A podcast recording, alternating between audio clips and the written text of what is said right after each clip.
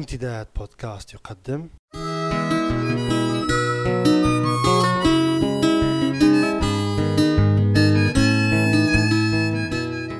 رسالة من لندن. مع جمعة بوكليب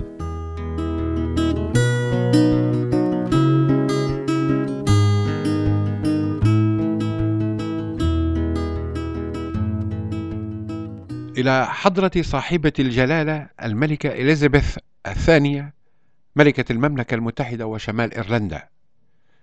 بمناسبة الذكرى الستين لاعتلائك العرش البريطاني يسعدني جدا أن أتقدم إليك بأحر التهاني راجيا لك دوام الصحة والهناء وكل عام وأنت وأفراد أسرتك الكريمة بخير وعافية. واعذريني يا صاحبة الجلالة إن لاحظت ارتباكا في حروف كلمات رسالتي هذه إليك أو رصدت عيناك الملكيتان توترا بين سطورها. ذلك لأنني لم أتعود الكتابة إلى الملوك والملكات من قبل فما بالك بالحديث إليهم مباشرة وجها لوجه ولا أظنني سأفعل.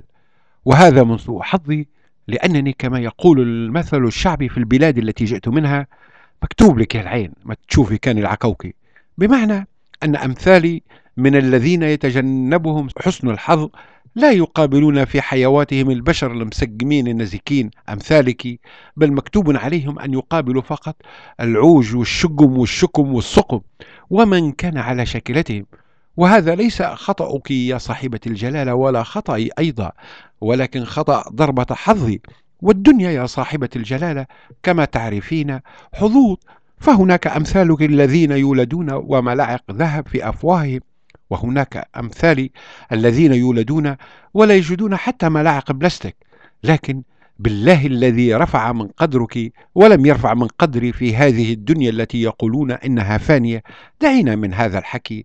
فما كانت رغبتي حين فكرت أن أكتب إليك هذه الرسالة أن أشكو لك سوء أحوالي بل أن أهنئك بعيد جلوسك كما سبق لي القول في السطور السابقة.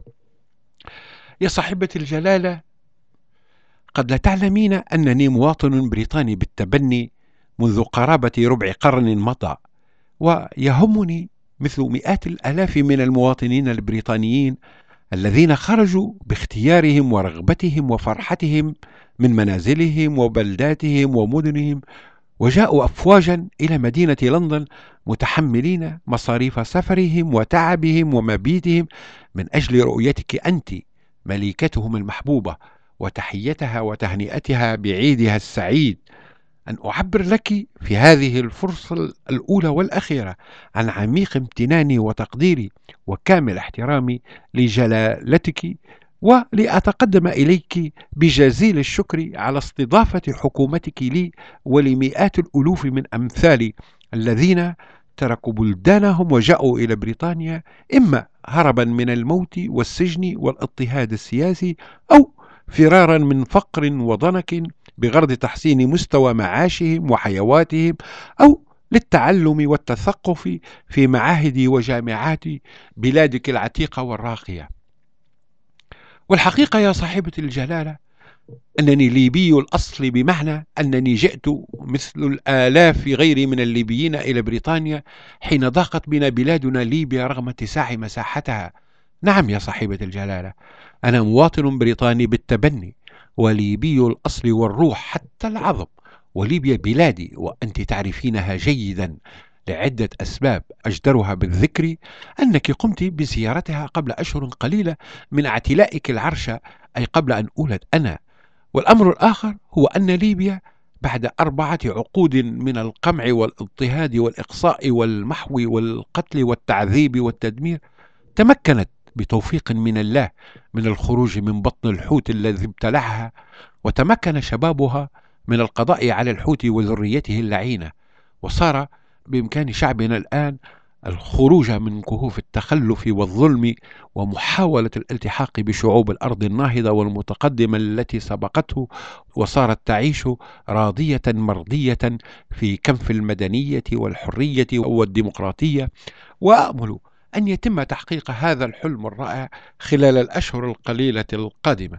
إذا افتكينا من ولاد الحرام الذين ظهروا في حياتنا زي الفقاع المسموم في ليلة بالأكبر ونكدوا علينا فرحتنا. الله ينكد عليهم.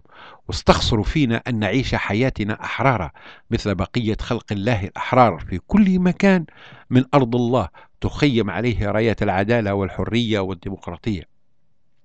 ولا يفوتني هذه المناسبة صاحبة الجلالة أن أتقدم إلى حكومة جلالتك بالشكر على موقفها المؤيد والمؤازر لشعبي في حربه من أجل التخلص من الدكتاتورية البغيضة. صاحبة الجلالة كنت شاهد عيان خلال الاحتفال بيوبيلك الماسي على فرحة أبناء شعبك بك ورصدت عيني بفضول الأفراح التي كانت تقام في الشوارع. ورأيت بأم عيني طوابير الناس بدون تحريض من قوة الأمن أو اللجان الثورية أو الحكومة وبدون خوف من أحد وليس طمعا في أحد أو شيء. وهي مصطفة فرحة مستبشرة رغم المطر. لتحيتك والتلويح لك بالأعلام وبالأيادي وبنبضات القلوب.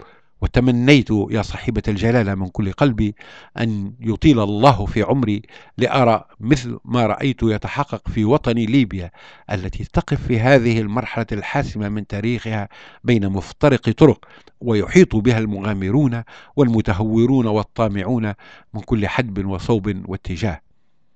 صاحبة الجلالة وهنئك مجددا بعيد يوبيلك الماسي وكل عام وأنت بخير وبصحة جيدة. وأدامك الله لشعبك ولوطنك وأرجو أن تتقبلي فائق تقديري واحترامي وأنا أعرف أنني لم ألتقك حتى الآن وقد لا ألتقيك مطلقا لكني سأظل حريصا دوما على تذكر ابتسامتك الطيبة الودودة الساحرة وهي تزين ثغرك الذي لم تستطع أن تنال منه السنون. المخلص جدا جمعة عمر بوكليب. مواطن بريطاني بالتبني من أصل ليبي متزوج وعندي أربع صغار ومشاكل مالية لا حصر لها Have you seen the old man in the closed down market Kicking up the papers with his worn out shoes In his eyes you see no pride And held loosely at his side Yesterday's paper telling yesterday's news. So how can you tell me you're lonely? And say for you that the sun don't shine. Or let me take you by the hand and lead you through the streets of London I'll show you something to make you change your mind.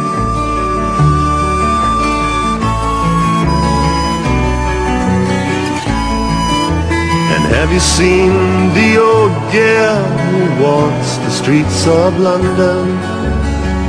Dirt in her hair and her clothes in rags.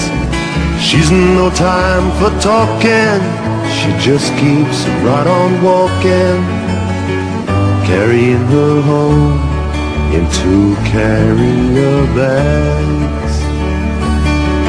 So how can you tell me you're lonely? Safe for you that don't let me take you by the hand and lead you through the streets of London. I'll show you something to make you change your mind.